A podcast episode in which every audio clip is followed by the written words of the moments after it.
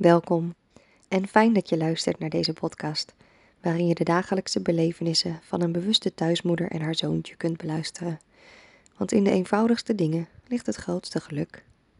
Vandaag vertel ik over waarom mijn zoontje en ik samen in één bed slapen en waarom ik voorlopig niet van plan ben om daarmee te stoppen. Hoe het samen slapen begon.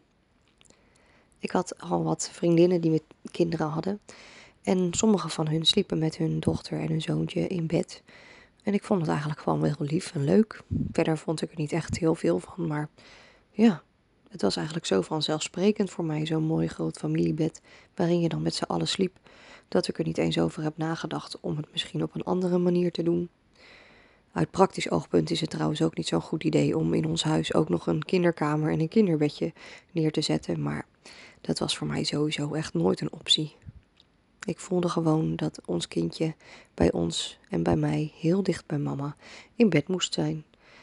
Nou ja, dus toen het eenmaal zeg maar ging plaatsvinden, hebben we een co-sleeper uh, naast ons bed gezet. En uh, ja, dat was eigenlijk de enige voorbereiding.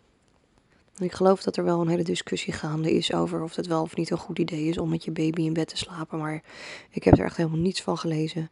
Want het interesseerde me werkelijk helemaal niets wat andere mensen ervan vonden. Ik vond het gewoon een hartstikke goed idee. En ik weet nog dat uh, Ruud aan mij vroeg toen we zwanger waren: van ja, wat ga je dan doen die eerste nacht en die eerste nachten dat, dat je dan ineens met de baby bent, weet je wel? En dan zei ik: Nou, ik ga gewoon slapen.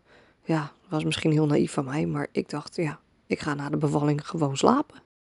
Nou ja, het is wel min of meer zo gegaan, maar toch ook weer niet helemaal zo. Want ja, daar was Wies dan ineens na de bevalling ineens zo'n heel klein hummeltje bij mij in bed. Het was echt heel bijzonder om daar ineens naast te mogen liggen.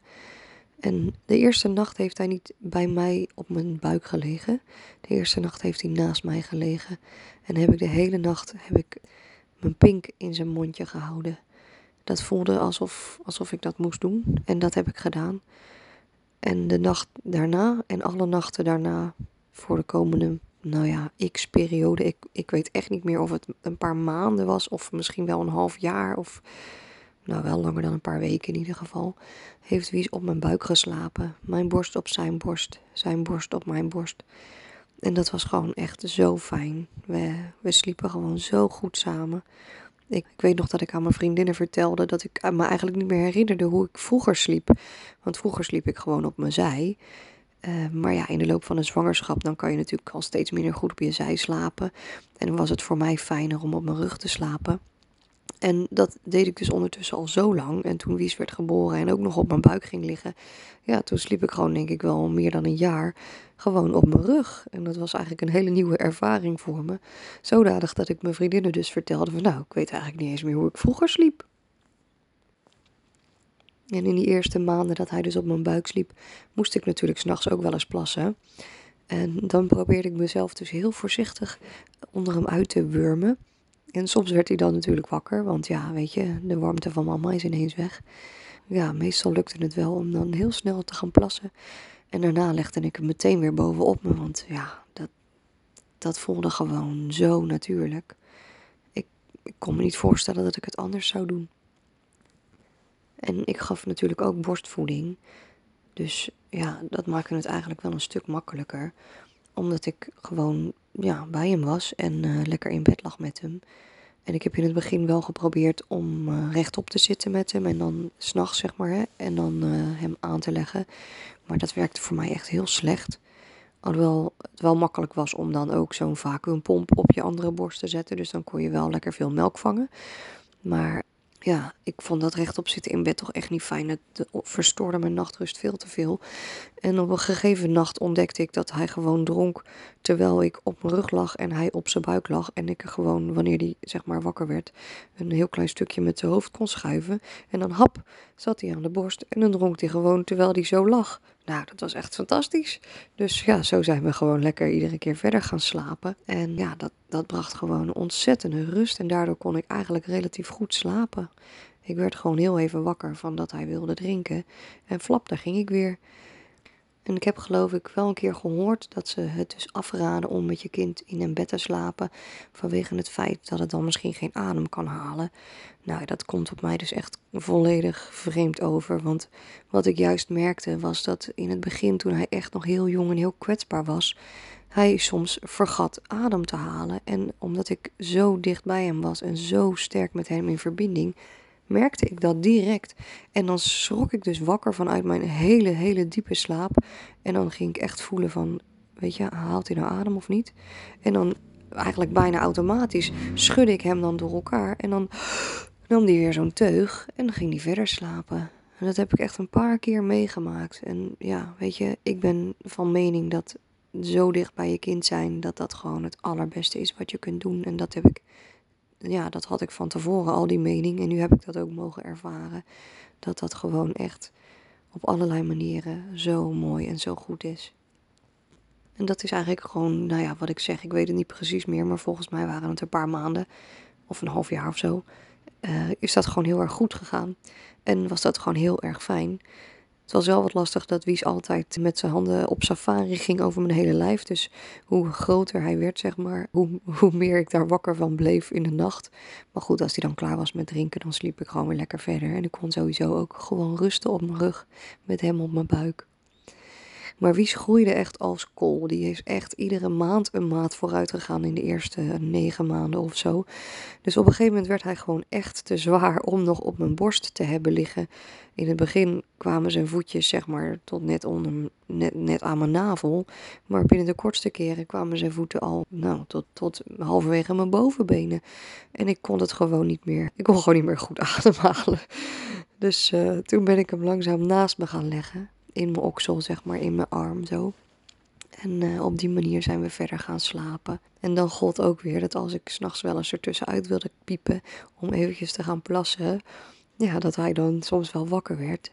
En dat maakte het af en toe wel heel lastig. Dus nou ja, gelukkig kon ik dan wel goed aanvoelen wanneer hij echt diep in slaap was. En ik ging ook proberen om niet meer te veel te drinken s'avonds en zo. Zodat ik gewoon lekker naast hem in bed kon blijven liggen. En ja, weet je, gewoon naast hem liggen, dat was, dat was gewoon zo fijn. Nou ja, en de volgende fase daarna was dat hij nog wat wiebeliger werd in zijn slaap en gewoon wat meer een mensje dan een echte baby-baby. Waardoor bij mij in mijn oksel liggen niet meer zo fijn was, ook niet voor hem, denk ik. En we hem dus in de co-sleeper zijn gaan leggen. En ik weet dat ik de eerste, nou ik denk wel week, weken wanneer hij in die co-sleeper lag, dat ik er direct naast lag. En uh, iedere seconde dat ik wakker was of niet diep genoeg in slaap, mijn hand in zijn hand lag. Want ik vond het gewoon wereldvreemd om ineens niet meer zijn huid tegen mijn lijf aan te voelen.